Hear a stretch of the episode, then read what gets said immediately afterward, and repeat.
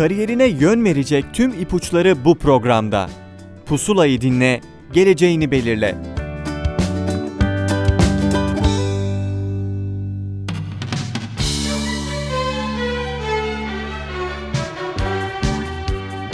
Merhaba sevgili dinleyenler, ben Adem Demirelli. Pusula'dan tüm dinleyicilerimize merhaba. Yaşar Üniversitesi bölümlerini tanıdığımız ve bölüm başkanlarının konuk olduğu programımızda bu hafta bize rehberlik edecek olan konuğumuz, Yaşar Üniversitesi Görsel İletişim Tasarım Bölümü, Bölüm Başkanı, Sayın Profesör Doktor Hakan Ertep. Bize kendinizden bahseder misiniz acaba? İzmir doğumluyum. Lise sürecine kadar olan e, zamanı İzmir'de yaşadım, geçirdim. Daha sonra lisans ve yüksek lisans çalışmalarımı yapmak üzere Amerika Birleşik Devletleri'ne gittim.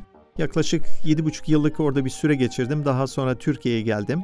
Geldikten sonra ilk önce reklam sektöründe çalışmaya başladım. Yaklaşık bir 5 yıllık tecrübem oldu o süre içinde.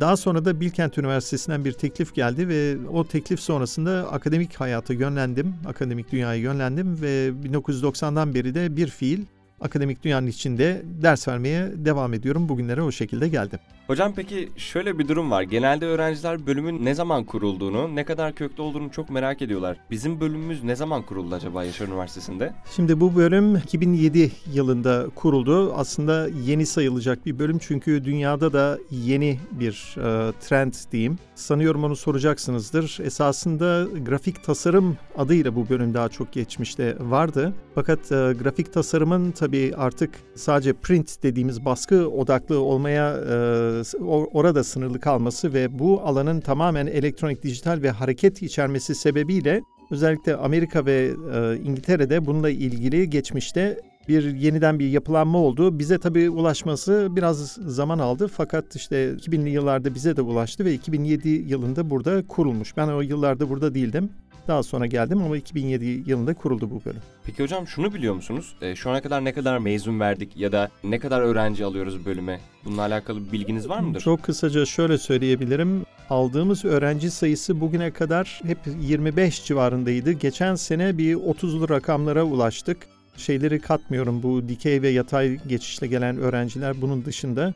Normal ÖSS kontenjanımız 32 ve hatta 33 olması lazım. Önümüzdeki sene bana gelen bilgi daha da yükselecek. 40'lı rakamlara çıkacağı söylendi. Bana net bir bilgi gelmediği için ben de size şu anda net bir bilgi veremiyorum ama 40'lı rakamlara çıkacağı ifade edildi bana.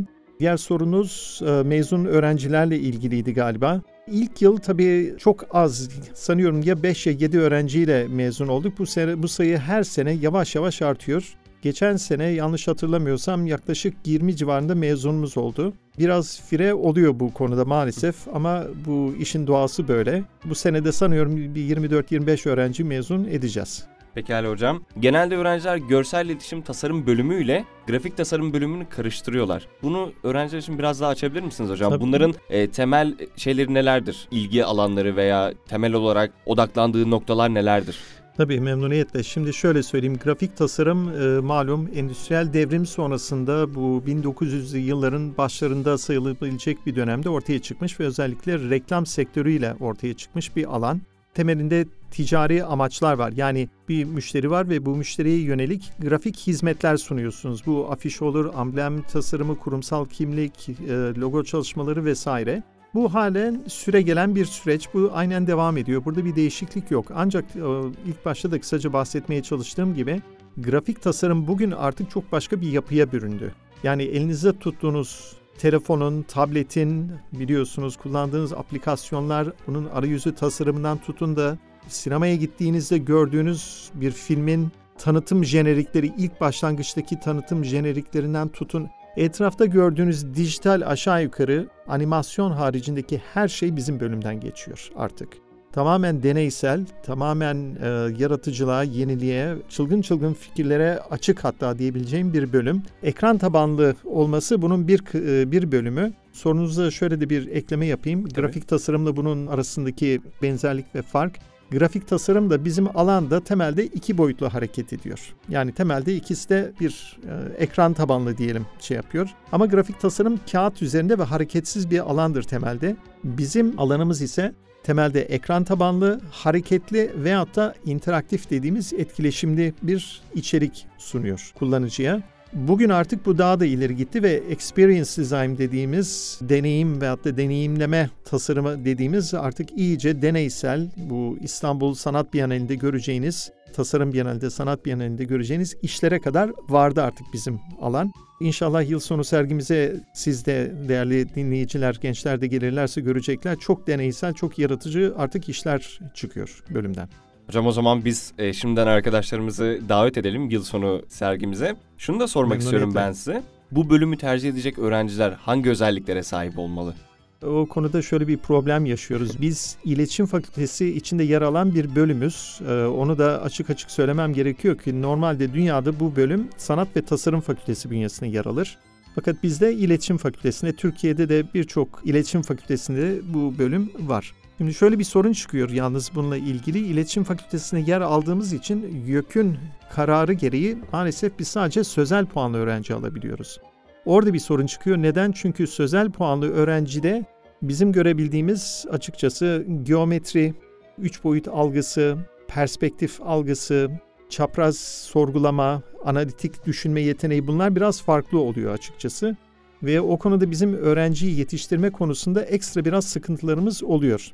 O yüzden şöyle söyleyeyim, sözel puan veyahut da hangi puan türü olduğuna bakmadan eğer bu söylediğim özelliklere sahipse arkadaşlar memnuniyetle gelsinler, başvursunlar. Çünkü bu esasında sözel bir bölüm değil. Bu tam tamına bir tasarım bölümü. En sondaki kelimeyi de özellikle vurgulamak isterim. Bazen insanlar görsel iletişim bölümü diyorlar. Hayır görsel iletişim derseniz hani daha sözel, teorik bir bölüm gibi algılanır. Öyle değil. Bu bayağı bir tasarım bölümü. Görsel iletişim tasarımı. İsterseniz hatta şöyle söyleyebiliriz kafaları daha da netleştirmek için bu bölüme dünyada olduğu gibi multimedya tasarımı bölümü de diyebilirsiniz. Veyahut da dijital medya tasarımı diyebilirsiniz bu bölüme. Herhalde en net tanım bu şekilde olur. Grafik tasarımla olan farkı da çok kısa bir süremiz olduğu için ancak hani bu kadarını şimdi söyleyebiliyorum ama böyle bir ayrımımız çok net olarak var. Hocam teşekkür ederim. Aslında bu söyledikleriniz bile kafi çok güzel açıkladınız. Çift dal veya yan dal şansımız oluyor mu acaba hocam? Var fakat onu da söyleyeyim şimdi dinleyiciler bana çok kızacaklar. Ben e, özellikle çift ana dal olayına çok karşıyım. Onu çok net söyleyeyim çünkü bizim bu tasarım alanlarında okuyan öğrencilerin normal bir hayat her şeyden önce yaşamaları lazım. Bu çocukların gençliklerini yaşamaları lazım. Sinemaya, tiyatroya, konsere gitmeleri lazım. Kız arkadaşları, erkek arkadaşları olacak. Kafeler, şunlar bunlar normal bir sosyal hayat olması lazım. Neden bunu söylüyorum? Hem genç yaşlarından dolayı hem de hayattan besleniyor bizim bölüm. Sergiye gitmeden, dışarıya gitmeden, hayatı yaşamadan, İstanbul'a gitmeden, yurt dışına gitmeden yeni bir fikir almaları mümkün değil. Yani bu internetten toplayacağınız bir takım bilgilerle olacak bir şey değil. Tasarım bölümlerinin hepsi esasında böyle. Bizimki de aynı şekilde. Onun için yani gençlerin tırnak içinde normal bir hayat en başta yaşamaları, bundan beslenmeleri, kendilerini yetiştirmeleri, ondan sonra kendilerine ve bize bir hayırlarının dokunması söz konusu. O yüzden ben açıkçası çift anadal ha engelliyor muyuz? Hayır tabii ki öyle bir engelimiz yok ama ben çok önermiyorum. Onun yerine ilgi duyanların yan dal yapmalarını öneririm. Çünkü o bile yeterince vakit alan ve enerji alan bir bir durum. Şöyle söyleyeyim ben size çok basit bir analoji yapacağım. Çift anadal demek. Önünüze ben şimdi akşam bir tabak yemek koyuyorum. Onu bitirmeniz gerekiyor. Tamam diyorsunuz. İkinci bir tabak daha ben koyuyorum önünüze. Bunu da bitir diyorum. Ama ikisi akşam porsiyonda olması gerekiyor. Çift anadal böyle bir şey. 4 sene içinde iki tane bölümü her şeyle tamam, tamamıyla tamamlamanız ve başarılı olmanız bekleniyor. Çok iddialı, bana göre çok zor ve çok da açıkçası bizim bölümler açısından biraz da gereksiz bir durum. Onun için ben yan dalı öneririm arkadaşlar ama tabii ki tercih yine onlarındır. Yani ama siz sonuçta izin veriyorsunuz siz herhangi bir Tabii engelleme, canım öyle bir engellememiz yok. Biz sadece Hı hı. gerçekleri söylüyoruz. Çift anadal yapan öğrencilerin birçoğunda maalesef e, hayatın kendisinden bir kopma durumu var çünkü yetiştiremiyorlar. Benim en büyük endişem o. Yani iki tane bölümle ilgili olan bütün o dersleri okumaları etmeleri gençliklerini normal hayatlarını yaşamaları biraz daha zor oluyor. Ha bunu beceren yok mu? Tabii ki var ama ben şahsen önermiyorum. Özet olarak onu ancak söyleyebilirim. Peki hocam şunu da soralım size. Yaşar Üniversitesi'ne gelen bir öğrenciyi nasıl bir öğrenim hayatı bekliyor bu bölüm içerisinde? Neler yapıyorsunuz? Hangi dersleri alıyorlar? Kendilerini nasıl geliştirebilirler gibi? E bunu da açıklayabilir misiniz? Tabii ki kısaca şöyle söyleyebilirim. Şimdi 4 yıllık bir süreç. Her şeyden önce maalesef liseden bize oldukça hazırlıksız geliyorlar. Bu da bizim e, lise sistemimizle ilgili bir sorun ama gerçek bu. Biz sıfırdan bir tasarımcı yetiştirmeye çalışıyoruz. 4 yıl boyunca ağırlıklı olarak stüdyo derslerine giriyorlar. Bizim her yıl ana stüdyo derslerimiz var. Bunun dışında bunu destekleyen çeşitli kuramsal ve yine stüdyo ağırlıklı dersler var. İlk yıl mesela daha çok sanat tasarım, görsel iletişim tasarımı gibi teorik derslerle destekliyoruz ana stüdyo derslerini. İkinci yılda tipografi, fotoğraf derslerine başlıyorlar.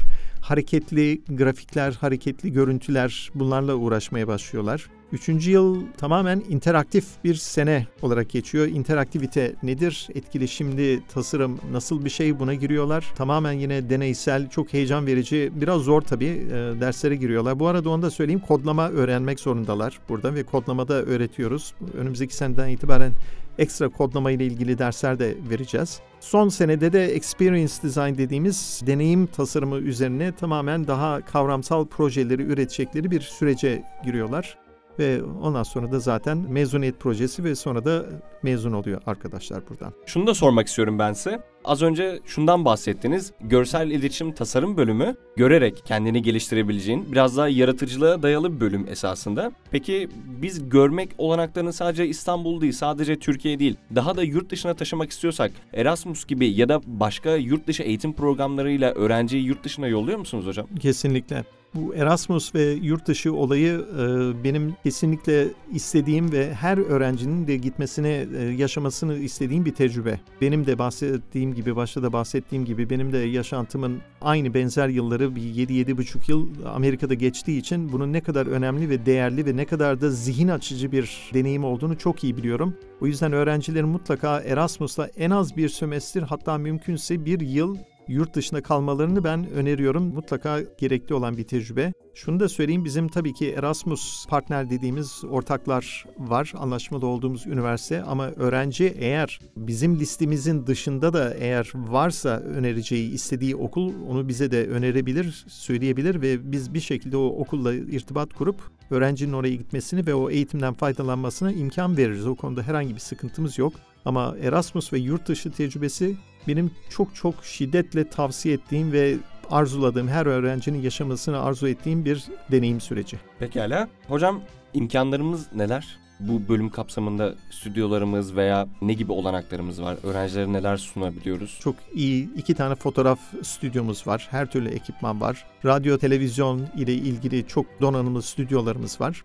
Okulun eskiden beri aldığı bir prensip kararı bu bilgisayar konusu ile ilgili şunu söyleyebilirim. Herkesin kendi bilgisayarını kendisinin getirmesi ve sınıfta onunla çalışması bekleniyor. Bugün için yanlış bir tavır değil çünkü bilgi, kendi bilgisayarınızda yaptığınız çalışmaları daha sonra zaten eve götürüp orada devam edebiliyorsunuz. Okulda kalmıyor bu bilgiler programların yüklenmesiyle ilgili zaten özellikle malum bu iş e, bizde genelde Adobe firması ağırlıklı bütün programlar. Ama Adobe'nin öğrencilere çok bildiğim kadarıyla çok uygun fiyatla program satması söz konusu. Dolayısıyla bir defa o programı satın aldıktan sonra sizi yıllarca götürebiliyor. Dolayısıyla öyle bir imkan var. Onun dışında teknik olarak bir şeyimiz yok. Herhangi bir sunduğumuz özel bir fırsatımız veyahut da bir donanımımız yok. Kendimize ait çok hoş, zevkli bir stüdyomuz var. Bütün kendi ana stüdyo derslerimizi orada yapıyoruz. Onu söyleyebilirim. Hocam e, siz anladığım kadarıyla şu an sizinle yaptığımız sohbet doğrultusunda öğrencilerin daha çok görerek kendilerini geliştirmesini taraftarsınız. Ders dışında ne gibi etkinlikler düzenliyorsunuz? Bu da çok önemli bir şey aslında. Üniversite hayatı bildiğiniz gibi sadece derslerden oluşmuyor. Bunu bir öğrenci olarak söylüyorum. Ders dışında ne gibi etkinliklerle öğrencileri destekliyorsunuz? Biz e, buraya arada bir konuklar tabii ki çağırıyoruz. Konukların buraya getirilmesi her zaman çok mümkün olmuyor. Özellikle İstanbul'dan konukların getirilmesi mümkün olmuyor. O yüzden biraz sınırlı kalıyor. Fakat onun yerine bizim bölüm olarak yaptığımız çok net olarak İzmir olsun, İstanbul, Ankara her yerdeki gelişecek olan etkinliklerden e, öğrencileri haberdar ediyoruz biz. Yani özellikle İstanbul'daki bu büyük biyenaller, sergiler, etkinlikler, konserler bunlarla ilgili biz öğrencileri bilgilendiriyoruz ve mutlaka ve mutlaka gitmelerini öneriyoruz. Bizim burada yaptığımız şeyler biraz daha kısıtlı kalıyor açıkçası. Yani takdir edersiniz e, hocaların da iş yükleri de fazla eğitimle ilgili. Dolayısıyla onların sürekli dışarıdan birilerini getirme imkanı çok fazla olmuyor. O konuda ayrı bir departmanımız da yok maalesef. Hani keşke olsa öyle profesyonel bir departman sürekli konuk getirebileceğimiz e, o işlerle uğraşacak o da yok. O yüzden tanıdıklar vasıtasıyla oluyor. Tabii ki getirtiyoruz. Bir takım insanları faydalı olacak, öğrencilerin zihnini açacak kişileri getiriyoruz. sayıcı ama biraz bence tabii ki sınırlı ama onun yerine biz sürekli dışarıda ne olup bittiğini takip edip öğrencilere buraya bu etkinliklere gitmelerini tavsiye ediyoruz daha çok. Peki hocam şunu da sormak istiyorum. Şimdi dışarıdaki kaynaklardan bahsettik. Öğrencilerin staj yapması zorunlu mu yoksa isteğe bağlı bir durum bu? Eskiden isteğe bağlıydı. Daha sonra zorunlu hale getirdik. Açıkçası sebebi de şu. Öğrencilerin en azından bir kısmının bu staj olayından biraz kaçtıklarını gördük. Samimi söylemek gerekirse. Bu olabilecek bir şey değil. Yani bu sektörde eğer yer almak istiyorsa bir öğrenci mutlaka sektörde ne olup bittiğini bir şekilde kısa bir süre içinde olsa bunun bir deneyimini yaşaması, tanıması, bilmesi mutlaka şart. O yüzden biz birkaç sene önce staj dersini zorunlu hale getirdik. Bizde çok kısa 20 iş günlük bir staj beklentimiz var. Ondan sonra da gelip rapor e, raporluyor öğrenciler ve bize sunuyorlar.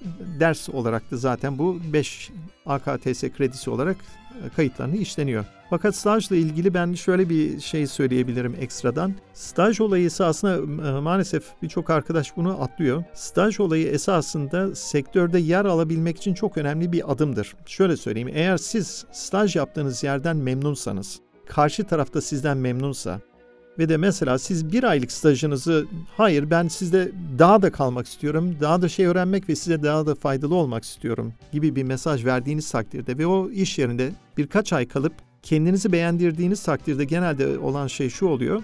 İşveren diyor ki işte Ahmet, Ayşe önümüzdeki sene sakın hiçbir yere gitme seni bekliyoruz diyorlar. Düşünebiliyor musunuz? Daha mezun olmadan esasında işiniz hazır demektir burada. Çok önemli bir şey. Yani bir de şöyle bir şey daha var onu da söylemek zorundayım. İzmir'de olmamızın bir dezavantajı var bizim. Verdiğimiz eğitim çok kaliteli ama sektörün kendisi ağırlıklı olarak İstanbul'da olduğu için iddialı ve başarılı öğrencilerin maalesef İstanbul'a gitmesi gerekiyor. Eğer bir yurt dışında bir e, yüksek lisans sanıyorum o konuyu da konuşacağız birazdan. Yüksek lisans olayı eğer söz konusu değilse sektöre atılacaklarsa maalesef İstanbul'a daha çok gitmeleri gerekiyor. Ve şöyle bir gerçek de var. Türkiye'de kaç tane oldu en son saymadım ama 30'un üzerinde görsel iletişim tasarım bölümü var. Bundan her sene kaç öğrenci mezun olduğunu siz düşünün ve bu kişilerin birçoğu da İstanbul'a gidiyor ve bizim arkadaşlarla bunlarla rekabet halinde olacaklar bir süre sonra. Dolayısıyla bizim burada verdiğimiz iyi eğitim yetmiyor esasında. İstanbul'daki art direktörleri, yaratıcı yönetmenleri, fotoğrafçıları, prodüksiyon firmalarını bunları bilmeleri gerekiyor, tanımaları gerekiyor. Bunun da tek yolu bir şekilde o sektöre adım atmak. Bir yerinden adım atmak zorundasınız. Bir defa girdiniz mi o şirketle evlilik gibi böyle senelerce kalmak zorunda da değilsiniz. Merak etmesinler. Genelde de zaten hepimiz aynı şeyi yaptık. Kalıyoruz orada işte 3 ay 5 ay belki en fazla bir yıl sonra sıkıldım diyor herkes. Başka yere geçiyor. İşin doğası bu şekilde zaten. Ama önemli olan adım atmak. Bir yerden içeri girmek çünkü zaten kolay kolay almıyorlar sizi. Öyle bir sorun var. Onun için staj hani başta sorduğun soruyu öyle bir özetleyeyim. O şekilde özetleyeyim. Staj İstanbul'da sektöre adım atmak için çok iyi bir fırsat. Arkadaşların onu iyi bir şekilde değerlendirmesine büyük yarar var diye düşünüyorum. Hocam şimdi ben e, sizin söylediklerinize bir şey eklemek istiyorum. Bir yerde okumuştum. Artık günümüzde büyük şirketlerin Facebook, Google veya bunun gibi daha büyük şirketlerin ortalama çalışma süreleri hesaplandığında zaten bir buçuk, bir yıl gibi artık eskisi gibi hani bir şirkete gireyim evladiyelik uzun süreler orada yok. çalışayım demenin biraz artık yok. e, yok. Şunu da sorayım hocam size. Öğrenciler mezun olduktan sonra hangi alanlarda çalışabilirler? Şimdi genelde bizim öğrenciler ya reklam ajanslarında çalışıyorlar veyahut da dijital ajanslarda çalışıyorlar. Şimdi genç arkadaşlar niye reklam ajansı diye soracaklar. Şöyle bir cevap ona verebiliriz. Reklam ajansları Türkiye'de genelde özellikle İstanbul'dakiler tam hizmet ajansı, tırnak için tam hizmet ajansı olarak kendilerini sunuyorlar. Bu da şu demektir. Aldıkları bir müşterinin, ellerinde var olan bir müşterinin her türlü işini yapıyorlar. PR işini de yapıyorlar, afişini de basıyorlar. Ee, onunla ilgili organizasyon düzenlemesini de yapıyorlar. Müşteri diye bakıyorlar ve kaçırmamak adına her türlü işini yapıyorlar. Bu bizim alana şu şekilde yansıyor. O müşteriyle ilgili eğer yapılacak bir dijital multimedya işi varsa ve kendi ajanslarında onunla ilgili bir birim var ise ajans bünyesinde çalışıp o işi yapacak bizim arkadaşlar. Ha şöyle bir şey de var özellikle İstanbul'da bu ağırlıklı olarak yine. Dijital medya şirketleri çeşitli görsel efektler yaratan, animasyon yapan, hareketli grafikler, her türlü bu işleri yapan çeşitli e, artık özelleşmiş ajanslar var. Bunlar da sayıları çok artık arttı. Arkadaşlarımızın eğer reklam ajansları olmazsa bu ajanslarda iş bulmaları söz konusu. Peki hocam lisansüstü programlarınız var mı ya da mezunların farklı alanlara yönlendirebiliyor musunuz? Lisansüstü program maalesef alanın işte temin bahsettiğim gibi mesela ilk başta bahsettiğim gibi bölümün 2007 yılında kurulması zaten işte şurada olmuş 11 yıl daha çok yeni dünya standartlarında düşündüğünüzde bu bölümün daha kendini bir lisans seviyesinde doğru dürüst bir yere oturtması hala daha bu süreç bence devam ediyor. O yüzden yüksek lisans bizde yok bu alanda. İletişim Fakültesi olarak iletişim çalışmaları ile ilgili bir yüksek lisansımız var ama görsel iletişim tasarımı yüksek lisansı diye bir bizde maalesef öyle bir program yok. Türkiye'de de bildiğim kadarıyla bir elin parmaklarını bulmayacak kadar az sayıda var. Onlar da daha spesifik isimlerle bu bölümleri açıyorlar. Benim şöyle bir önerim olacak. Zaten bu da hep öğrencilere söylediğimiz bir şey. İngilizce konusundan bahsedeceğim. Hiç sorulmamıştık bir soru ama İngilizce. Öğrencilerin mutlaka bir şekilde İngilizce bilmeleri gerekiyor. Yani bu devirde artık İngilizce bilmeyen bir kişinin tasarım dünyasında yer alması bana göre çok zor. Takip edemez her şeyden önce. Gelişmeleri takip edemez. Tam olarak anlayamaz ve karşıdakiyle de iletişim kuramaz. Ayrıca uluslararası bir kıvamda da bir kişi olamaz. Bunu söylememin sebebi şu, bizde olmayan yüksek lisans programları bu alanda yurt dışında fazlasıyla var. Özellikle Avrupa üniversitelerinde, Amerika hani uzak derseniz diye söylüyorum. Amerika'da da tabii ki var. Çok fazla Kanada, Amerika, Avustralya bunlarda da var. Ama daha yakında Avrupa'da var. Fazlasıyla var. Ve özellikle İskandinavya ve Hollanda, İngiltere, Hollanda ayrı ama İskandinav ülkelerinde çok çok iddialı, çok başarılı yüksek lisans eğitim imkanı veren okullar var. O yüzden benim önerim arkadaşların hem ufuklarını da açmalarını sağlayacak şekilde mezuniyetten sonra eğer öyle bir yol düşünüyorlarsa yurt dışına gitmeleri. Toparlamak gerekirse aday öğrenciler neden Yaşar Üniversitesi'ni seçmeliler? Çok kısaca çünkü çok iyi bir kadromuz var. Çok düzgün bir eğitim veriyoruz. İşin özeti o. O konuda hiç mütevazilik yapmayacağım. Türkiye'de hala görsel iletişim tasarımı altında bulunup hala aslında grafik tasarım eğitimi veren çok fazla bölüm var.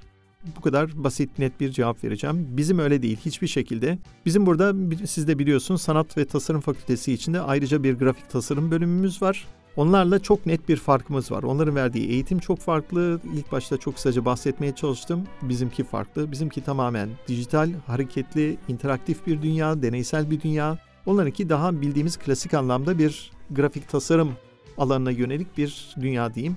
Dolayısıyla birbirini zaten şey yapamayacak, aynı hizmeti veya da aynı eğitimi vermemesi gereken iki tane bölüm var. Oradan zaten otomatik olarak farklı olmamız gerekiyor. Artı dediğim gibi benim şahsen çok bugüne kadar dikkat etmeye çalıştığım konu uluslararası standartta bir eğitim vermek üzere buranın yapılanması gerekiyor. O konuda çok iyi bir yolda gittiğimizi düşünüyorum ve Türkiye'de gerçekten iyi çok çok iyi bir konumda olduğumuza gerçekten inanıyorum onu söyleyebilirim. Hocam cevaplarınız için çok teşekkür ederim. Son olarak eklemek istediğiniz bir şey var mıdır programı kapatmadan önce? Gençler istedikleri zaman buraya gelsinler çok memnun oluyoruz. Biz onlarla da daha da gençleşiyoruz ve ben bile her her sene gençlerden çok şey öğreniyorum, görüyorum, öğreniyorum. Her zaman gelsinler. Eğer stüdyolarımızı buradaki iş akışını ve ders akışını eğer merak ediyorlarsa tanıtım süreçleri dışında da e, bizden gelsinler, randevu alsınlar ve gelip derslerimize girsinler. Çok memnun oluruz. Çok teşekkür ederim hocam. Konuğumuz Görsel İletişim Tasarım Bölümü Bölüm Başkanı Profesör Doktor Sayın Hakan Ertep'ti. Kendisine konuk olduğu için çok teşekkür ediyorum. Önümüzdeki programlarda başka konuklarla görüşene dek hoşçakalın.